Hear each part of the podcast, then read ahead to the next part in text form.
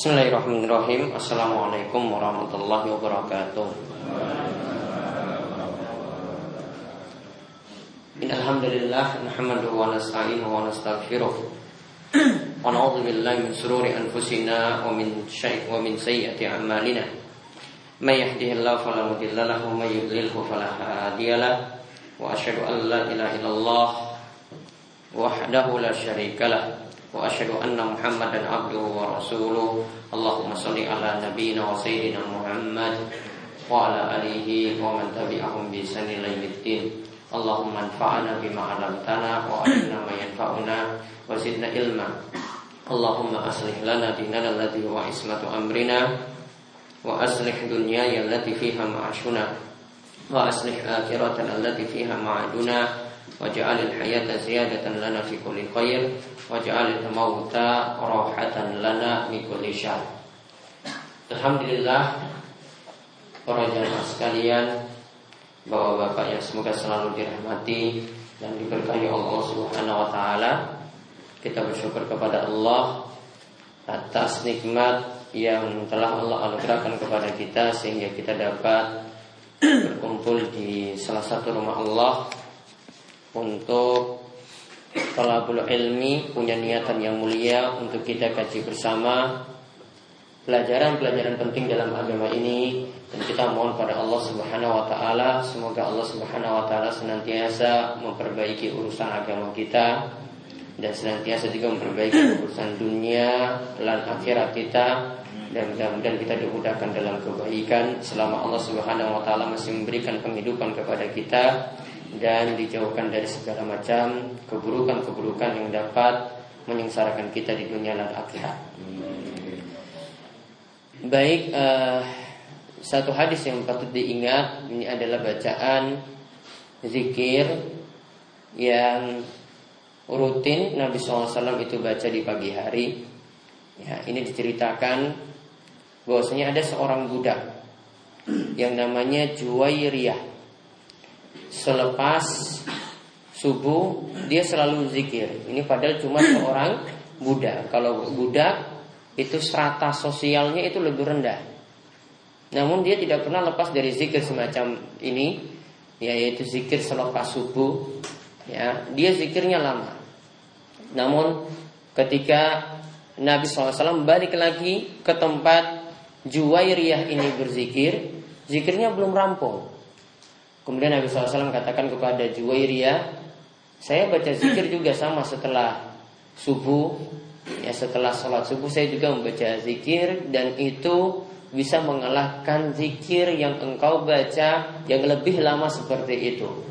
Kemudian Nabi SAW itu mengajarkan zikir, ya, yaitu bacaan yang berisi tasbih, Subhanallah wa bihamdi, adada khulki, waridu nafsi, wa zinata arsy wa midada kalimati. Subhanallah wa bihamdi adada khalqi wa ridha nafsi wa zinata arsy wa midada kalimati. Ini dibaca oleh Nabi Sallallahu Alaihi Wasallam tiga kali. Tok namun bisa kalahkan zikirnya Juwairiyah tadi yang zikirnya lebih lama Arti zikir tadi maha suci Allah subhanallah maha suci Allah. Ya wa bihamdihi aku memuji Allah. Ya ada khalqi aku memuji Allah sebanyak jumlah makhluk Allah. Berarti jumlahnya banyak sekali. Sebanyak jumlah makhluk Allah. Waridu nafsi sejauh kerelaannya wa midada kalim wa zinata arsyih wa midada kalimati. Seberat timbangan arsnya. Zikir ini lebih berat daripada timbangan arsnya. Dan arsh ini adalah makhluk Allah yang paling besar. Itu pun bisa mengalahkan timbangan tersebut. Wa midada kalimati dan sebanyak tinta tulisan kalimat-kalimat Allah Subhanahu wa taala. Sebanyak tulisan kalimat kalimat Allah Subhanahu wa taala. Maka kita lihat di sini zikir yang sederhana. Ya, saran saya kalau setelah salam, setelah mau zikir, dua zikir coba lebih diutamakan lebih dahulu. Nanti bisa dilihat uh, di zikir pagi petang yang sebelumnya sudah dibagi kepada bapak-bapak kali ibu-ibu ya yaitu coba rutinkan baca Allahumma inni as'aluka ilman nafi'a wa rizqan thayyiba wa amalan mutaqabbala. Ini yang pertama. Kemudian zikir yang tadi. Subhanallah wa bihamdi adada khalqi wa ridha nafsi wa zina wa zinata arsy wa midada kalimati. Tiga kali. Nah, dua ini ini sangat ringkas namun kandungan dan faedahnya dan maknanya itu luar biasa dan mudah-mudahan dengan terus merutinkannya Allah Subhanahu wa taala itu memudahkan setiap urusan kita untuk urusan dunia dan juga akhirat kita. Baik, uh, seperti biasa kita lanjutkan pembahasan kitab Al-Kabair mengenai dosa-dosa besar. Terakhir kita sudah melihat sedikit dalil dari dosa besar nomor 24 Ya dosa besar nomor 24 Yaitu tentang gemar berkata bohong. Yaitu mayoritas dari hidupnya Atau mayoritas kegiatannya atau kesehariannya Biasa berbohong Berdusta. Tiga dalil sudah kita sampaikan Yaitu saking Al-Quran. Dan sekarang kita lihat Dalil-dalil yang lainnya Di halaman 80 Di buku terjemahan Al-Kabair. Kita lihat hadis yang pertama.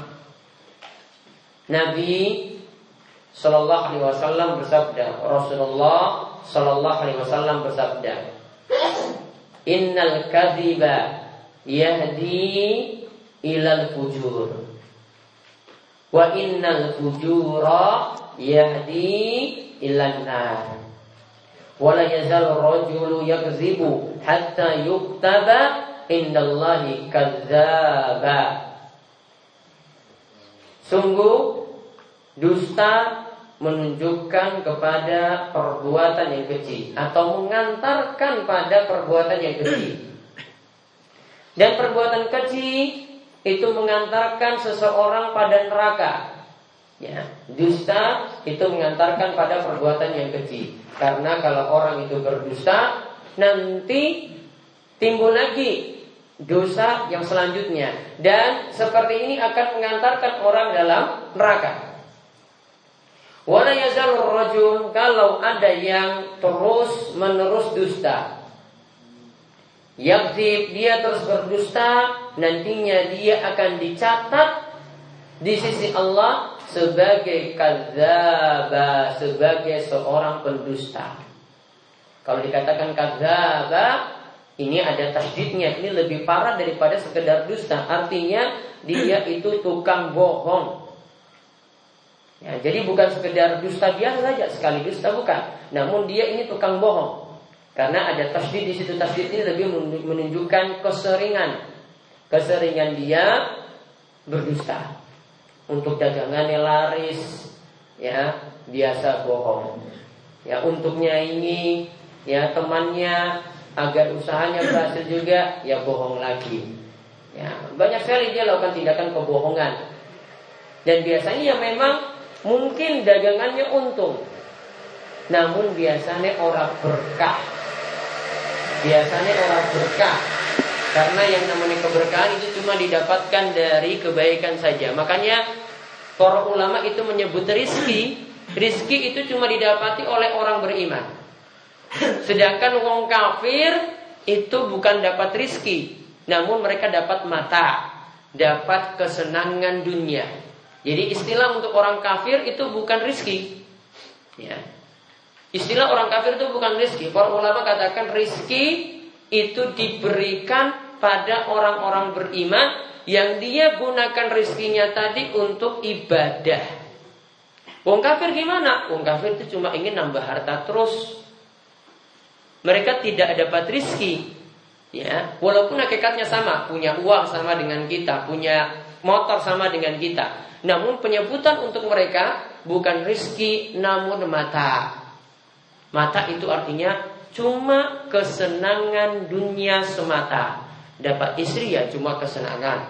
Dapat mobil ya cuma untuk kesenangan. Namun kalau orang beriman gimana? Prinsipnya dia dapat rizki. Namun rizkinya itu dia gunakan untuk ibadah. Maka disebut rizki. Jadi kalau dia dagang tadi, ya benar-benar dia ingin cari rizki. Rizki sing halal yang bisa membantu dia untuk melakukan ibadah-ibadah. Bisa mudah untuk sholat, bisa mudah untuk tunaikan zakat, punya rezeki berlebih bisa juga untuk umrah atau bahkan bisa untuk haji. Dia gunakan untuk yang halal-halal seperti itu. Nah ini hadis yang pertama yang menunjukkan bagaimanakah bahaya orang yang dusta kalau sering dusta dicatat dicap sebagai orang yang pendusta nanti ketika dibangkitkan pada hari kiamat kelak. Dia jadi golongan-golongan pendusta. Sama halnya Ya Nabi SAW itu katakan kalau ada orang yang punya utang kemudian dia punya niatan tidak mau kembalikan utangnya tadi, dia dicatat sebagai sarik orang yang nyolong. Artinya di sini apa? Di hari kiamat dia akan dikumpulkan bersama orang-orang yang disebut pencuri. Sama seperti itu. Ini pendusta dikumpulkan dengan orang-orang yang dicap kadzaba sedangkan orang yang Tadi nipu ketika ingin berutang Gak mau kembalikan utangnya Cuma ingin pinjam saja Maka dicatat pada hari kiamat Sebagai sarik Yaitu orang yang nyolong Dikumpulkan bersama pencuri-pencuri seperti itu.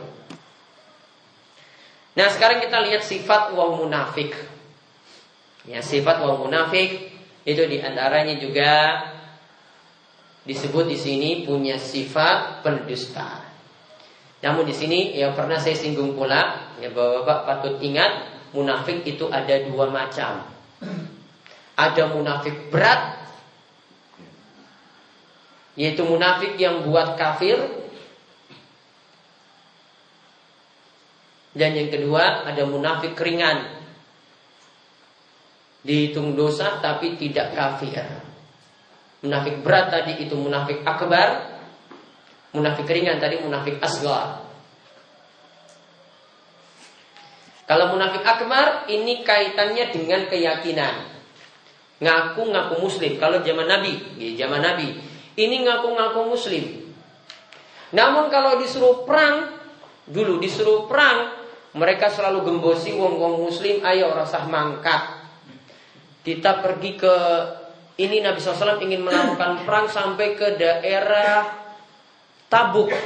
Tabuk itu utara dari Saudi Arabia, mau dekat dengan Suriah, mau dekat dengan Syria. Ya, jadi jauh. Orang-orang munafik itu gembosi yang ngomong muslim sudah itu tempatnya jauh. Ngapain kalian pergi berangkat ke sana? Ya ngapain kalian pergi berangkat ke sana? Mereka kesehariannya sholat.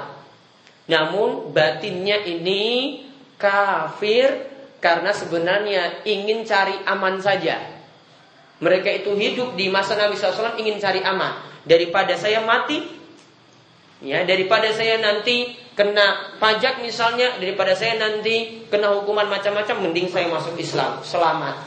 Namun ketika masuk Islam, mereka buat berbagai macam makar. Ada juga yang namanya Abdullah bin Salul. Ya Abdullah bin Salul itu suatu saat uh, pernah menulis surat saat Nabi SAW ingin memerangi suku Khaybar yang ada di kota Madinah, sekitar 150 km dari kota Madinah. Dia buat surat. Ini wong munafik. Dia buat surat padahal sebelumnya itu tidak ada yang tahu kalau Nabi ingin lakukan penyerangan. Ya. Jadi ingat Nabi SAW itu kadang perangnya itu sistemnya defense, bertahan. Ya, sistemnya defense bertahan. Ada satu saat Nabi SAW sifat perangnya itu attack, serang. Di antara sebabnya Nabi SAW serang itu karena itu sudah jadi musuh bebuyutan. Karena sejak dulu itu permusuhannya sengit. Kalau didiamkan mereka buat macam-macam terus. Akhirnya Nabi SAW ini ingin perangi tadi orang Khaybar di mana mereka orang-orang Yahudi. Uang munafik yang tadi Abdullah bin Salul itu sudah nulis surat lebih dahulu. Ya, sudah nulis surat sampaikan kepada orang-orang munafik kalau Nabi SAW itu mau nyerang. Nah, ini orang-orang munafik yang berat di zaman Nabi. Ya. Sedangkan yang kita sebut di sini ini yang munafik ringan. Munafik asgar, munafik kecil tidak sampai kafir. Yaitu yang disebut pada hadis ayatul munafiki talasun. Tiga tanda wong munafik. Ini ingat ya, ini tidak buat kafir, ini bukan munafik benaran. Namun kalau punya sifat-sifat ini maka disebut wong munafik. Sifat orang muna, munafik. Orangnya bukan munafik tulen. Ya, namun sifatnya adalah sifat orang munafik. Wong muslim nggak punya sifat seperti ini. Yaitu apa? Nabi katakan iza haddatsa kadzaba. Kalau ngomong dusta. Pelintir perkataan orang terus. Kalau yang biasa melintir perkataan orang itu koran-koran. Ya, nanti kalau tokoh-tokoh negara kita itu ngomong sedikit dipelintir, diambil sepotong. Jadi orang itu pahami beda seperti apa yang dimaksud. Maka hati-hati nggak usah baca koran, mending baca Quran. Ya, koran itu memfitnahnya itu besar. Coba di masa-masa pemilu kemarin coba, itu fitnahnya lebih besar ya daripada ya sekarang-sekarang ini nggak terlalu. Dulu itu fitnah orang itu luar biasa, jatuhkan orang itu gampang, dianggap halal semuanya. Pokoknya itu lawanku, ini media yang dukung satu pihak, maka dia jelek-jelekkan pihak yang lain walaupun itu tidak benar ada pada orang tersebut. Ini namanya buhtan, bukan lagi gibah. Ya, namun ini namanya buhtan, fitnah orang. Kalau gibah itu masih benar, namun itu memang kejelekannya ada. Namun kalau fitnah, kejelekannya tidak ada, dibuat-buat. Ya, kejelekannya itu tidak ada, dibuat-buat. Jika izahad dasar kadabah kalau muat berita ya ngapusi terus. Sama. Wa idza ada akhlafa jika janji dia tidak tepati. Sifat wong munafik buat perjanjian, buat surat tertulis hitam di atas putih, tanahnya batasnya sekian. Ya. Namun tiba-tiba patok tanahnya tadi pindah Ya, patok tanahnya tadi pindah. Ketika diukur orang pas. Atau ketika jual tanah jadi calo ngomongnya tanah tersebut luasnya satu hektar. Ternyata kalau diukur cuma separuhnya saja. Ya, jadi calo namun jadi ya tukang tipu juga ketika itu buat perjanjian dia buat perjanjian dusta juga saat itu. Wa iza khan jika diberi amanat wonge kianat. Jika diberi amanat kianat. Makanya kalau para sahabat nerima tugas, nerima jabatan, mereka itu awalnya nolak, nggak mau. Ya. Pernah dikisahkan Ali bin Abi Thalib ya Ali bin Abi Thalib ini beliau nanti diangkat jadi pemimpin perang. Sebelumnya sebelum diangkat Nabi SAW itu katakan ini nanti bendera ini yang nanti akan pegang itu adalah orang-orang yang mencintai Allah dan Rasulnya dan Allah dan Rasulnya juga mencintainya. Lalu kemenangan akan diperoleh lewat tangan dia kalau perang. Maka kemudian malam hari para sahabat ngobrol. Ini siapa yang dapat bendera tadi?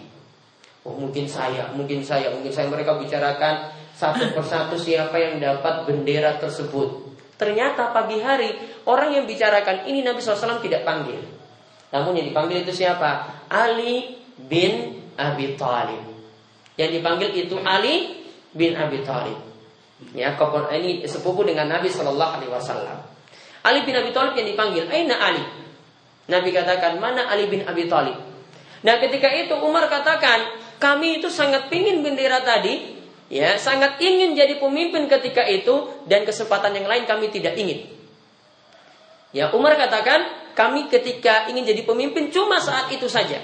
Saat yang lain mereka para sahabat tidak mau jadi pemimpin karena amanatnya berat. Ya, karena amanatnya apa? Berat. Ya, ini amanatnya berat. Mau jadi tingkatan apa pun ya dalam kepemimpinan itu amanat amanatnya berat. Maka mereka rata-rata kalau diberikan jabatan itu awalnya nolak. Ya, kecuali kalau disuruh seperti ini, Ali disuruh kamu jadi pemimpin saat itu, baru Ali mau. Asalnya para sahabat itu tidak mengajukan diri, ya, tidak mengajukan diri. Ya, mereka tuh awalnya sifatnya nolak jabatan, nolak kepemimpinan. Karena takut ini punya sifat kalau diberi amanat nanti khianat. Takut sekali seperti itu. Nah, namun di sini patut dicatat sifat wong munafik ini kalau kita lihat kalau dalam sholat, ya dalam sholat ini juga sifat-sifat seperti ini juga di, dikatakan sebagai sifat wong munafik. Wongnya sholat, namun punya sifat seperti ini. Nanti silakan dibuka surat An-Nisa ayat 142. Dan surat yang paling banyak juga membicarakan sifat-sifat orang munafik atau banyak mencela wong munafik yaitu surat At-Taubah. Ya, itu nanti silakan dilihat dari awal sampai akhir itu membicarakan wong munafik. Makanya surat At-Taubah kalau Bapak-bapak lihat di awal surat tidak pakai Bismillahirrahmanirrahim. Satu surat dalam Al-Quran yang tidak pakai Bismillah cuma surat At-Taubah. Kenapa?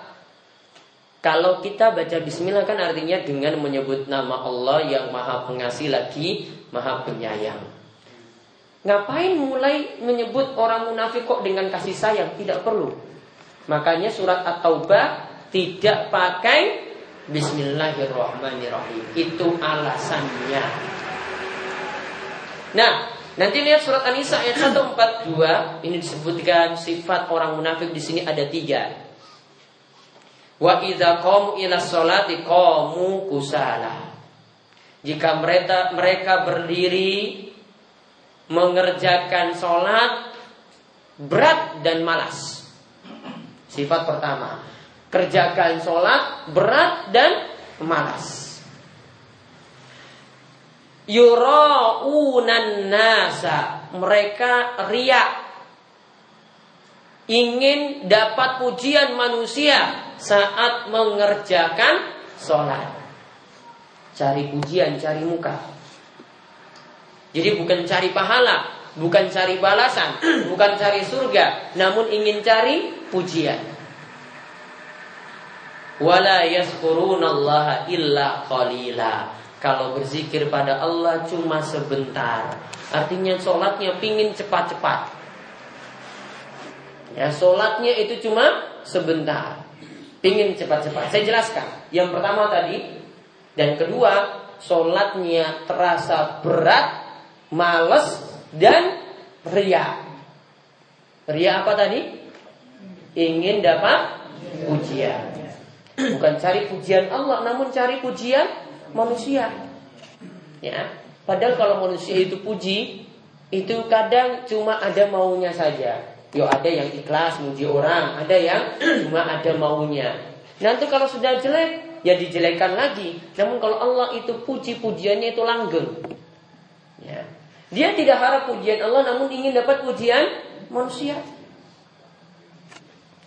Maka sifatnya ini ini sama seperti yang Nabi Shallallahu Alaihi Wasallam sebutkan dalam hadis Inna asqala salatun ala alal munafikin salatul isya wa salatul fajri. Sungguh solat yang paling berat pada orang munafik. Ya, jadi di sini Nabi SAW bahas tentang orang munafik. Sungguh solat yang paling berat pada orang munafik yaitu sholat isya dan yang kedua adalah sholat subuh. Kenapa bisa? Di sini para ulama menjelaskan ada dua alasan kenapa sholat subuh dan sholat isya yang paling berat. Namun lihat, tadi dalam ayat sebutkan asalnya sholat orang munafik itu mereka selalu rasa berat dan kerjakannya dengan malas. Kenapa dikatakan berat bagi orang munafik dua sholat tadi, sholat isya dan sholat subuh? Alasan pertama, dulu penerangan lampu itu belum ada. Mau datang ke masjid atau tidak pada sholat isya, Nabi nggak lihat, nggak apa-apa nggak datang. Sholat subuh Nabi nggak nggak lihat, nggak apa-apa nggak datang. Mau lihat bagaimana gelap. Maka sudah nggak datang. Jadi kalau subuh dan isya ya sudah wis malas wis. Orang diomongi Pak Imam nih. Ya, ya wis rasa wis. Nah itu sifat orang munafik dulu kayak gitu karena tidak ada penerangan mau datang atau enggak enggak ketahuan. Kalau sekarang nggak bisa kan? Sekarang nggak bisa. Ini dulu. Ya, hipotenuse yang pusat berarti ya. Mati. Sekarang nggak mungkin. Nah, yang kedua, kenapa berat bagi orang munafik? Ini kaitannya dengan tidur. Pas sholat misa, wes saya ya mangkat, aduh, memang nih wes turun. Ya kan? Ini pas-pas sholat isya, ujung-ujung waktu saat ingin tidur. Ya, orang ingin tidur ketika itu sudah berat bagi orang munafik. Ditambah lagi tadi gelap sudah orang sama angkat dengan apa kowe saya. Ya proyek sekolah jam itu tekan jam setengah lima coba. Siap-siap ya sekolah jam itu ya tekan jam setengah lima. Coba sisa waktu yang ada ingin saja waktunya ingin istirahat. Bar maghrib ingin turu ya akhirnya nggak sholat? Bisa. Kalau sholat subuh gimana? Ya sholat subuh gimana kalau gitu? Ya sholat subuh nggak pingin bangun dari tidur. Kalau tadi ingin tidur, kalau sholat subuh nggak ingin bangun dari tidur, apalagi aduh, ya toh? Apalagi hujan, aduh tambah lagi selimutnya tebal, aduh kasurnya wis tambah empuk meneng, ya, sudah nggak bisa ini. Makanya sholat subuh, kalau sholat misa ini yang paling berat bagi orang munafik. Nah ini sama dengan apa yang disebutkan dalam ayat tadi. Ya, ini sama seperti yang disebutkan dalam ayat tadi. Kaitannya mereka itu zikirnya sebentar maksudnya. Wong munafik itu biasanya sholatnya itu mepet. Ya, sholatnya itu mepet dengan waktu habis.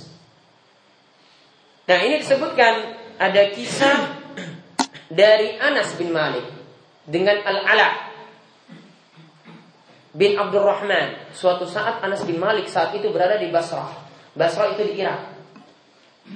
Saat berada di Basrah, beliau dikunjungi saat sholat zuhur. Ya sudah, beliau baru eh, beliau ketika itu selesai dari sholat zuhur dan ini sudah mau masuk sholat asar.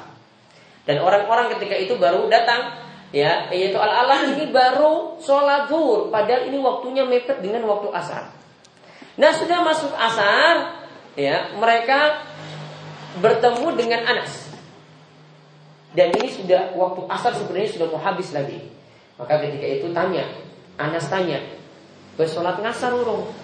Sudah sholat asar belum? Jawaban mereka, ya belum. Kami mau sholat sekarang. Padahal ini matahari sudah mau tenggelam.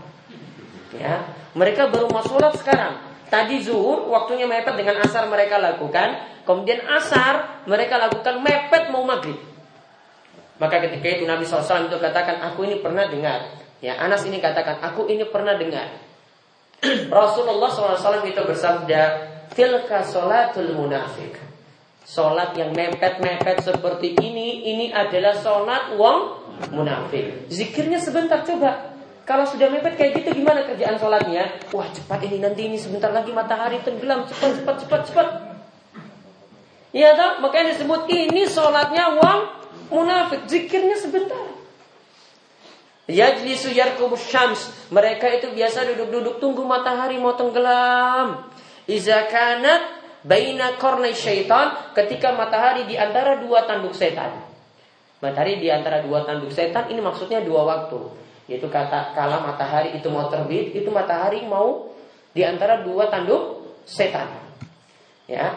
Dan ketika matahari mau tenggelam, itu di antara dua tanduk setan. Tanduk setannya di mana? Pokoknya Nabi SAW sebut seperti itu. Nah, Koma fanaqaraha arba'an.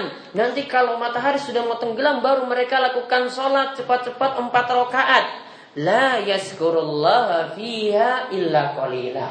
Kata Nabi SAW mereka sholatnya cuma sebentar untuk mengingat Allah. Berarti sifat orang munafik sholatnya pingin cepat cepat.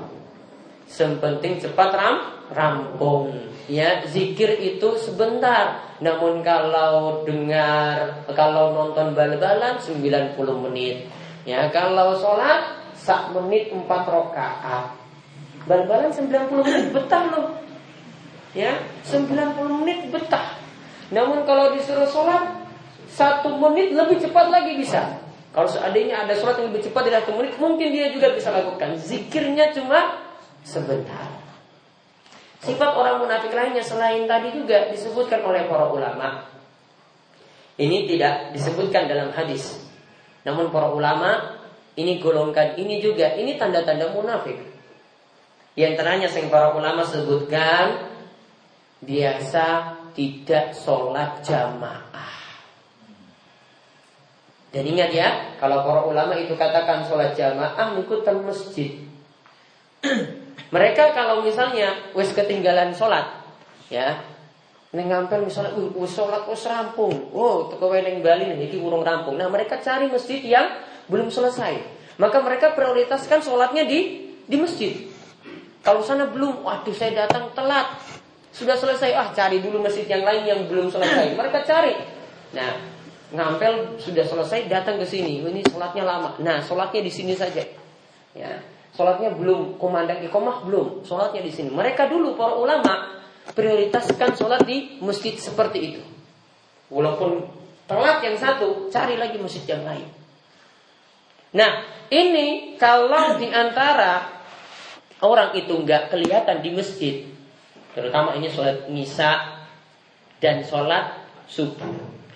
Maka coba lihat perkataan dari Abdullah bin Umar. Ia katakan, Kunna Kunna iza faqadnal insan. Kami kalau lihat ada orang yang enggak ke masjid. Karena kalau mereka katakan kami tidak dapati orang, berarti kami tidak lihat orang itu di masjid. Ya, karena mau tahu dia sholat atau tidak ya kita tahunya kalau ke masjid.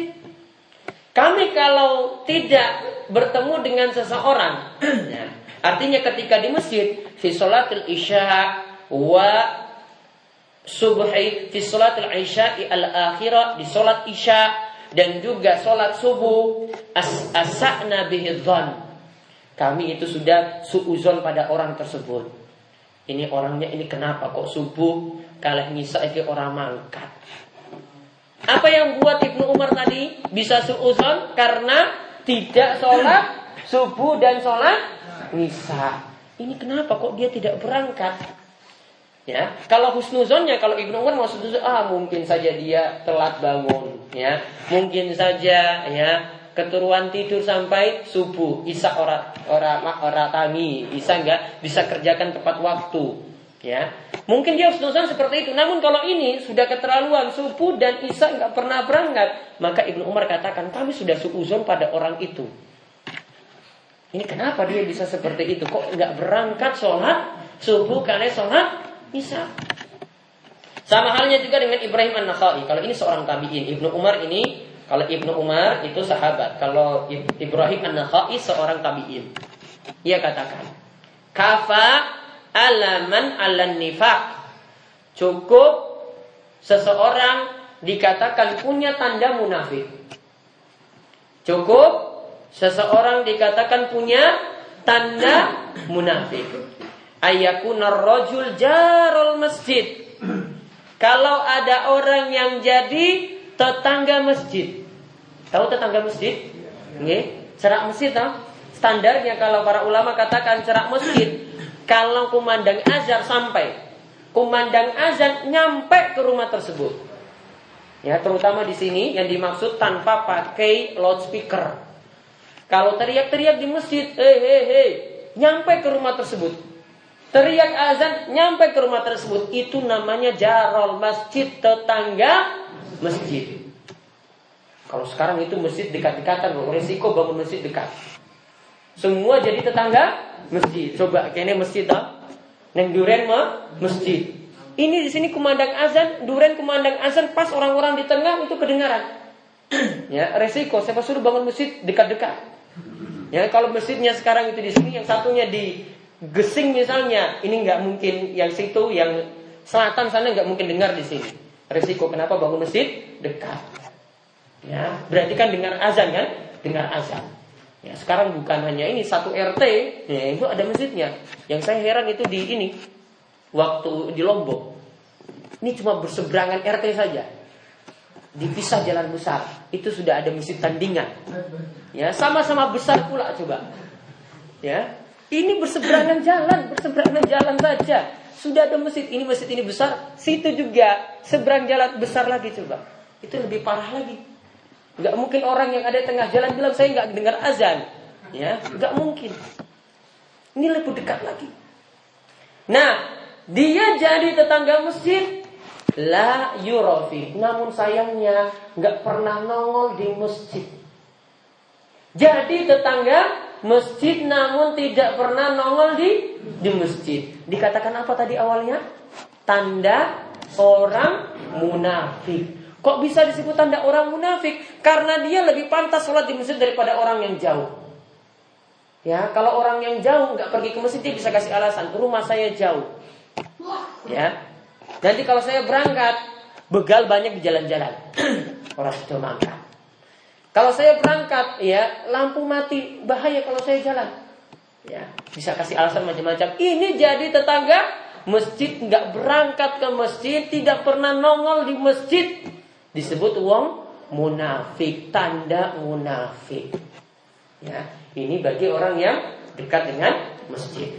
Maka kalau kita lihat intinya orang yang disebut munafik, tanda-tandanya itu adalah apa yang nampak ya atau yang dia itu ngaku-ngaku itu berbeda dengan amalannya. Ngaku muslim namun amalannya bukan amalan wong muslim. Ngaku muslim namun tidak pernah mengerjakan sholat. Ngaku muslim namun tidak pernah kelihatan di di masjid. Kita mau tahu dia muslim bagaimana coba? Kalau kita mau tahu dia itu muslim, paling jelas kalau laki-laki nih, niki laki-laki paling jelas ya tadi lihat dia ada di masjid. Makanya dulu orang-orang munafik tahu Nabi SAW tahu dia muslim atau tidak ya ada di masjid. Makanya dulu para sahabat itu tidak pernah tinggalkan sholat jamaah. Ya Nabi SAW memang punya niatan. Beliau ingin kumpulkan kayu bakar, suruh anak-anak pemuda itu kita siap-siap nanti. Sudah nanti biarkan orang nanti ada yang kerjakan sholat isya. Kita pergi berangkat, cari rumah-rumah yang ada laki-laki tidak berangkat sholat. Nanti kita bakar dengan kayu bakar. Namun sayangnya dulu itu ada perempuan di situ, ada anak-anak perempuan. Kalau bakar rumah ini kasihan perempuan dan anak-anak perempuan dan Nabi SAW kalau perang yang namanya anak-anak dan yang namanya perempuan tidak pernah beliau sakiti. Ya, yang namanya anak-anak itu tidak pernah beliau sakiti. Ya. Perang-perang Nabi SAW seperti itu. Kalau ada anak perempuan dibiarkan. Walaupun itu musuh. Kalau ada ya anak-anak kecil, beliau biarkan. Walaupun itu musuh. Ya. Ini beliau tidak jadi bakar karena sebab tadi. Namun kalau tidak ada seperti itu beliau sudah punya niatan. Namun di masa Nabi SAW orang-orang selalu sholat jamaah di masjid. Tidak pernah ketinggalan jamaah di masjid. Bahkan ada sahabat yang rumahnya paling ujung dari kota Madinah itu sholat di masjidnya selalu ada. Tidak pernah ketinggalan. Sampai-sampai para sahabat itu selalu ngomong, ini gimana kalau kamu pindah rumah saya dekat masjid atau beli kendaraan supaya bisa Datang ke masjid nggak capek-capek nanti kalau panas, kalau musim dingin. Dia tidak mau. Ya, dia punya niatan. Saya ingin berniat. Nanti kalau saya berangkat dicatat pahala karena langkah kakinya paling banyak. Ketika pulang juga dicatat pahala karena langkah kakinya juga banyak. Ya ini tanda-tanda munafik yang nanti e, membahayakan seseorang dan kalau disebut tanda munafik seperti tadi berarti ini adalah sifat-sifat jelek kita mohon kepada Allah Subhanahu wa taala mungkin kita dijauhkan dari sifat kemunafikan, kita jadi muslim yang benar, punya keimanan yang benar dan selamat dari sifat-sifat yang tercela seperti itu. Ya demikian yang bisa kami sampaikan pada kesempatan kali ini. Mungkin bermanfaat. Sebelum saya tutup. Monggo di antara para jamaah ingin bertanya kami persilahkan. Oke, Faisan. Oh, Waalaikumsalam warahmatullahi wabarakatuh. satu di luar materi. Yang pertama ini, Ah, ini memang hanya jauh dari ini kayak ini. Saya mengatakan bahwa satu mil itu adalah setengah kilo. Satu, Satu mil setengah kilo. nggih. Tapi saya pernah juga bahwa satu mil itu adalah satu setengah kilo. Coba nanti lihat di hitungan matematikanya ya. Nah. Satu mil pinten Pak Artono? itu ada mil laut, ada mil darat. Kalau mil darat itu sekitar 1,6. Ah, kalau mil Mil laut itu 1,8. ah, berarti satu ke mana satu ke mana berarti saya salah. Nah, karena pelajaran juga, ya. Kan kita dapat mendengar dari pemerintah mengatakan bahwa kita menyakiti ketersediaan beribu dolar barrel ya. Hmm. Nah, kita mendengar dia barrel itu berapa sih kan begitu. Oh, iya. Kita tanya satu barrel itu berapa liter? Pertanyaannya. Satu barrel itu berapa liter? Wah, itu saya harus searching dulu. Berapa? Satu barrel itu berapa? Dan ditanya sama Pak Hartono saja ya.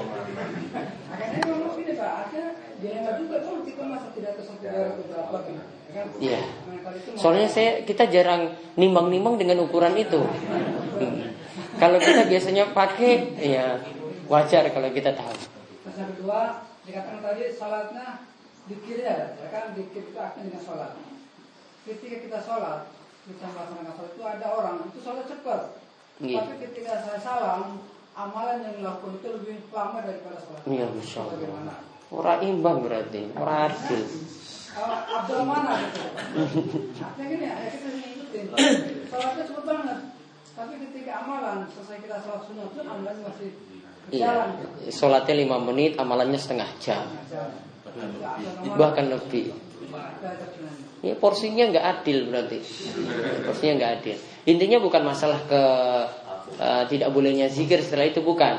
Namun porsi sholatnya Nabi SAW itu porsi sholatnya lebih lama. Ya, intinya perlu diperhatikan sholatnya tumak nina atau tidak. Ya, intinya kalau kita ingin ikuti sholat tersebut lihat ada tumak nina di dalamnya ataukah tidak. Kalau ada tumak nina, monggo diikuti. Kalau tidak ada, ya tidak perlu diikuti. Atau kalau terpaksa ikuti maka saya pernah jelaskan niatnya mufarakah.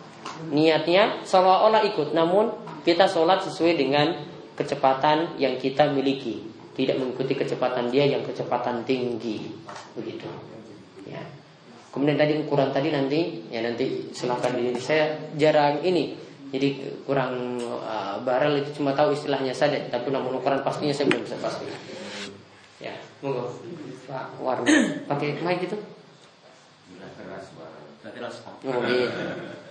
Terkait dengan pikir di awal tadi pembahasan eh, sering kita sebutkan eh, banyak pikir-pikir yang ditunturkan oleh Rasulullah yang ingin saya tanyakan pikir-pikir yang diajarkan oleh Rasulullah itu dari beliau sendiri atau wahyu dari Allah Baik. Pertama. Intinya zikir yang Nabi SAW itu ajarkan itu juga bagian dari wahyu. Karena setiap yang Nabi SAW itu omongkan itu juga wahyu. Ya, jadi wahyu itu ada dua macam, yaitu wahyu dari Al-Quran dan juga wahyu dari hadis. Ya, kenapa itu disebut wahyu? Karena ya disebut dalam ayat wa mayantiqu anil hawa. Nabi tidak ngomong dengan hawa nafsu sendiri. In huwa illa wahyu yuha. Yang beliau omongkan itu adalah wahyu dari Allah Subhanahu wa taala. Kalau kita nanti punya anggapan itu Nabi SAW buat-buat sendiri, maka orang-orang nggak perlu amalkan. Ya, karena Nabi SAW gawe-gawe sendiri. Ya, kalau ini kita katakan ini wahyu, maka manut apa yang Nabi SAW tuntunkan, apa yang Nabi SAW mengajarkan dalam zikir, maka kita juga amalkan seperti itu. terkait dengan sekarang kan kita lihat kondisi masjid di daerah kita atau di Pagang saja itu kalau kita amati kan tidak ada sekarang pun masjid yang jelek itu tidak ada Iya bagus semuanya, masya Allah. seperti zaman dulu Iya. artinya hampir setiap pokoknya masjid bagus semua ukuran ukuran kemakmuran masjid itu atau boleh kami sampaikan uh, dilihat dari sholat jamaah subuh ya. Hmm. Jadi kalau sholat subuhnya itu ternyata banyak ya jamaahnya, berarti masjid itu makmur. Tapi kalau masjid itu sholat subuhnya itu hanya berapa orang saja, berarti kan indikasi suatu daerah itu uh, tidak tidak makmur jamaahnya. Apa? Sehingga mungkin ini menjadikan sebuah indikator kalau kita melihat kemakmuran suatu masjid. Itu bagaimana Ustaz? Iya betul seperti itu. Tandanya dilihat dari Sholat subuh. sholat subuhnya, bukan sholat maghribnya. Kalau sholat maghrib semuanya bisa. Itu sholat maghrib sholat yang paling gampang. Ya, waktunya pas. Ya, sebelum makan malam lagi, pulang langsung makan malam, itu sholat yang paling pas memang. Ya, namun standarnya bukan sholat maghrib. Standarnya itu adalah sholat subuh. Makanya Nabi SAW tidak menyebut sholat yang paling berat itu adalah sholat maghrib atau sholat zuhur tidak. Namun sholat yang paling berat, sholat yang paling sulit orang lakukan. Berarti kalau suatu masjid untuk dua sholat tadi itu jamaahnya makmur, berarti tanda masjidnya tadi adalah masjid yang bagus dan tanda masyarakat juga ingin baik ketika itu. Makanya saya mengharapkan kepada jamaah khususnya yang ikut kajian sholat subuh ini eh, tentunya mungkin sebagai pelopor jangan sampai meninggalkan sholat bersama Allah. Insya Allah, ya. Karena yang disampaikan oleh Ustaz bahwa sholat subuh itu termasuk jaminan dari Allah, jaminan keselamatan dan rezeki dan sebagainya. Iya ya. Insya Allah. ya. Nanti masjidnya dimakmurkan untuk sholat subuh sebelum berangkat ke sini ya. Karena indikatornya di situ tanda masjid makmur itu dari sholat subuh. Yang kita yang biasa ikut kajian pagi monggo. Makanya sengaja saya bukan buat jam 6 kajiannya. Kalau jam 6 semuanya bangun jam 6 nanti ya. Sudah buat subuh saja. Biar nanti tanginnya yo pas subuh ya.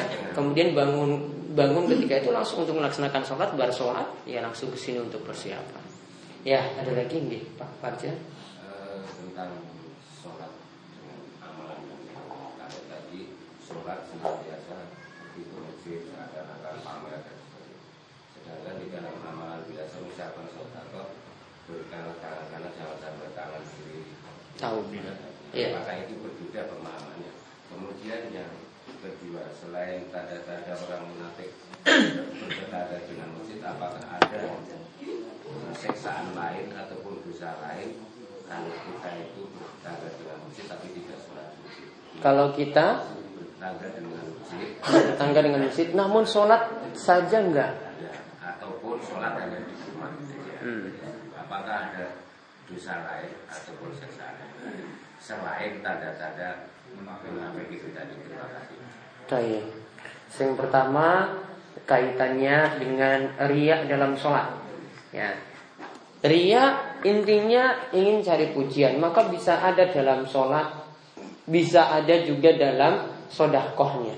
Namun ayat tadi itu, ya, teksnya itu bicarakan tentang masalah sholat. Makanya tadi disebutkan riaknya ya berarti riaknya berkaitan dengan sholatnya.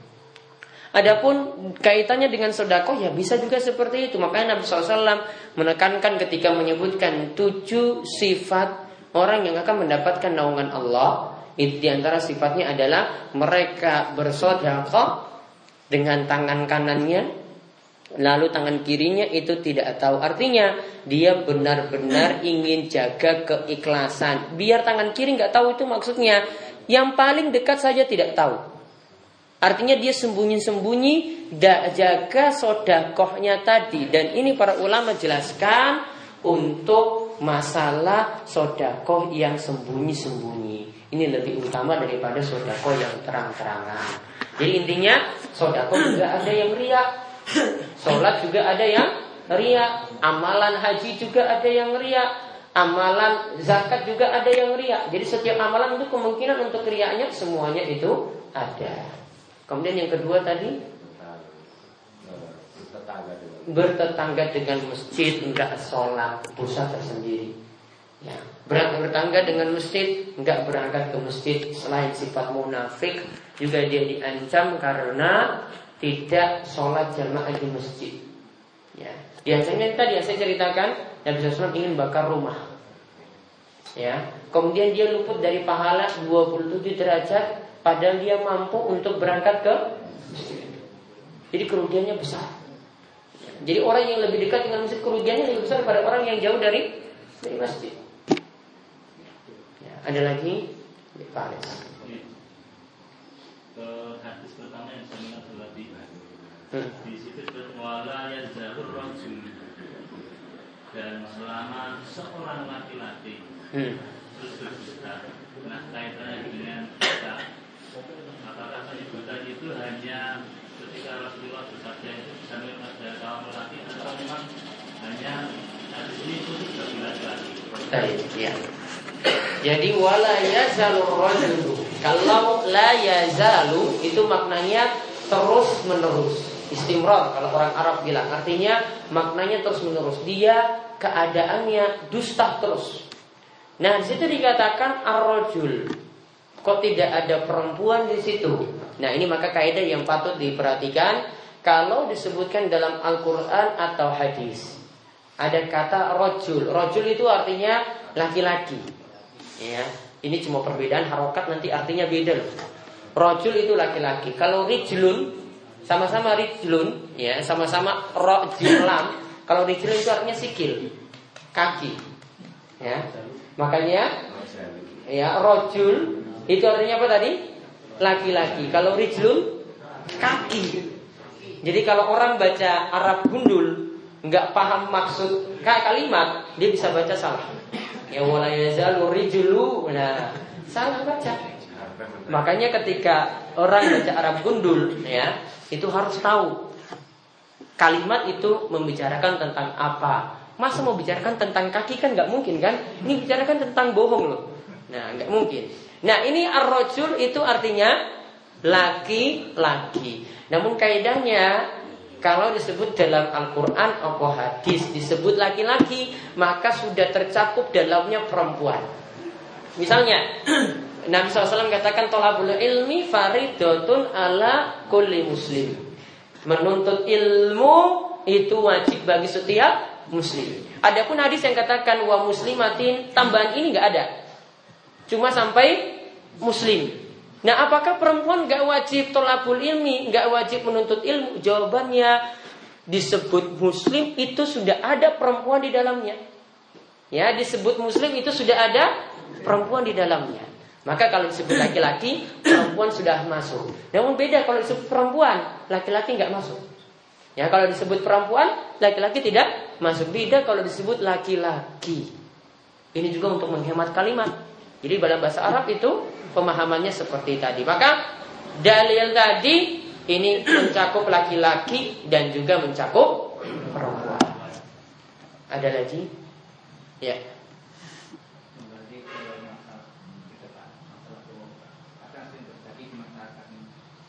Punya orang tua yang sudah tua mungkin orang tua kayak sakit dan sebagainya. Kalau Iya. keluarga terjadi sesuatu biasanya orang tua tidak dikasih tahu. Kalau yang orang tua itu kan tanya, ini nek opor dan sebagainya. Terus dan sebagainya. Iya, iya. Apakah dibolehkan atau tidak? Ya. Baik. Kalau bohong asalnya eh, itu diharamkan kecuali kalau punya maslahat. Ya, kalau punya maslahat namun saran saya kalau mau berkata seperti itu kalimatnya saja yang dibuat seolah-olah benar. Ya, kalimatnya dibuat seolah-olah itu benar. Jadi kalau ditanya seperti itu, bilang saja, ah masih lebih mending atau masih nggak apa-apa. Namun niatan kita itu maksudnya adalah orang tua seperti ini yang lagi sakit, ya itu keadaannya masih lebih baik daripada yang lain. Mungkin seperti itu. Dia mungkin sakit, namun masih lebih mending daripada yang yang lain. Jadi niatannya ingin eh, seolah-olah tidak seperti itu, namun kalimatnya dibuat saja seolah-olah orang pahami itu tidak bohong.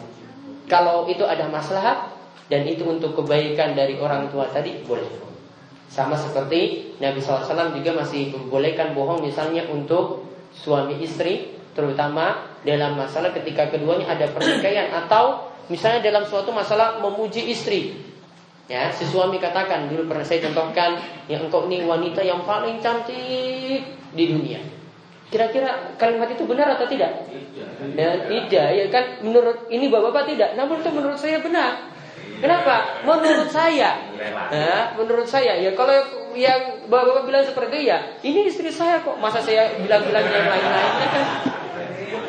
Pasti dia bilang seperti itu kan? Nah, seperti itu. Jadi kalau ingin menimbulkan cinta antara suami istri seperti tadi, para ulama katakan boleh seperti tadi. Walaupun orang-orang bilang, oh, kok kesopo, kan bojo orang, orang orang kelasnya. Namun kan menurut kita loh, menurut saya, kalau seandainya istrimu itu cantik, mungkin saya sudah bisa dulu dengan istrimu, namun saya dengan istri saya sekarang, ya kan? Uh, jadi pilihan saya sudah benar. Nah, jadi kalimatnya saja yang kalau ada masalah boleh seperti itu. Apalagi ini masalah menyangkut kondisi orang tua yang nanti kalau ketika terima berita yang mengagetkan seperti tadi, jadi keadaannya tambah sakit atau tambah parah. Sudah ingin? Iya, iya.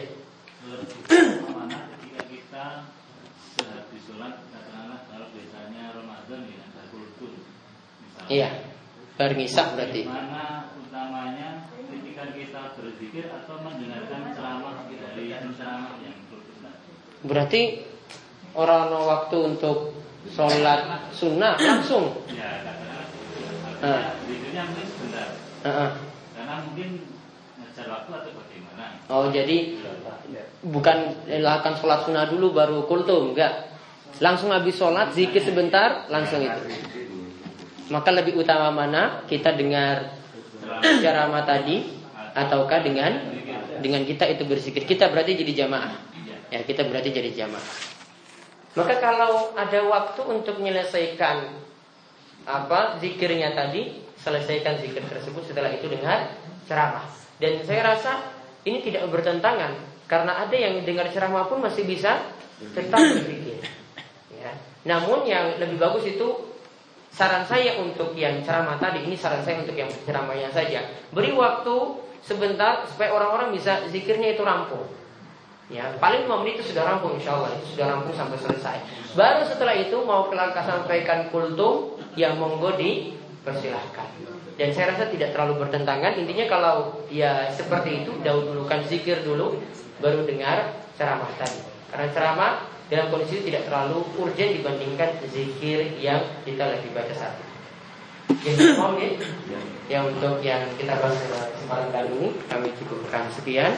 Uh, untuk uh, hafa, uh, untuk hafalan ada nanti bahasa Arab yang nggak ada karena saya mau apa hadiri undangan nanti di Blimbing.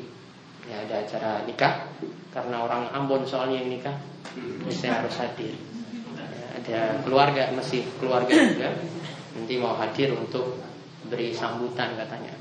Ya, kemudian untuk malam Senin depan, ya malam Senin ini ada bapak-bapak nih yang biasanya ikut pengajian malam Senin. Nanti yang malam Senin ini, ya malam Senin depan tetap seperti biasa, namun untuk malam Senin ini e, nanti kajiannya di Diri Jati di Balai Desa ya Pak seperti apa cerak Balai Desa?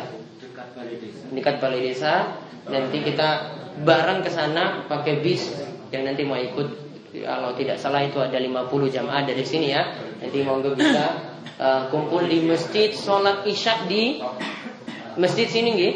Nanti bareng isya langsung kita berangkat menuju Giri Jati ya Purwosari. Ya. itu saja untuk pengumuman ya. Dan kami cukupkan sekian. Kita tutup kalian dulu atas majelis semoga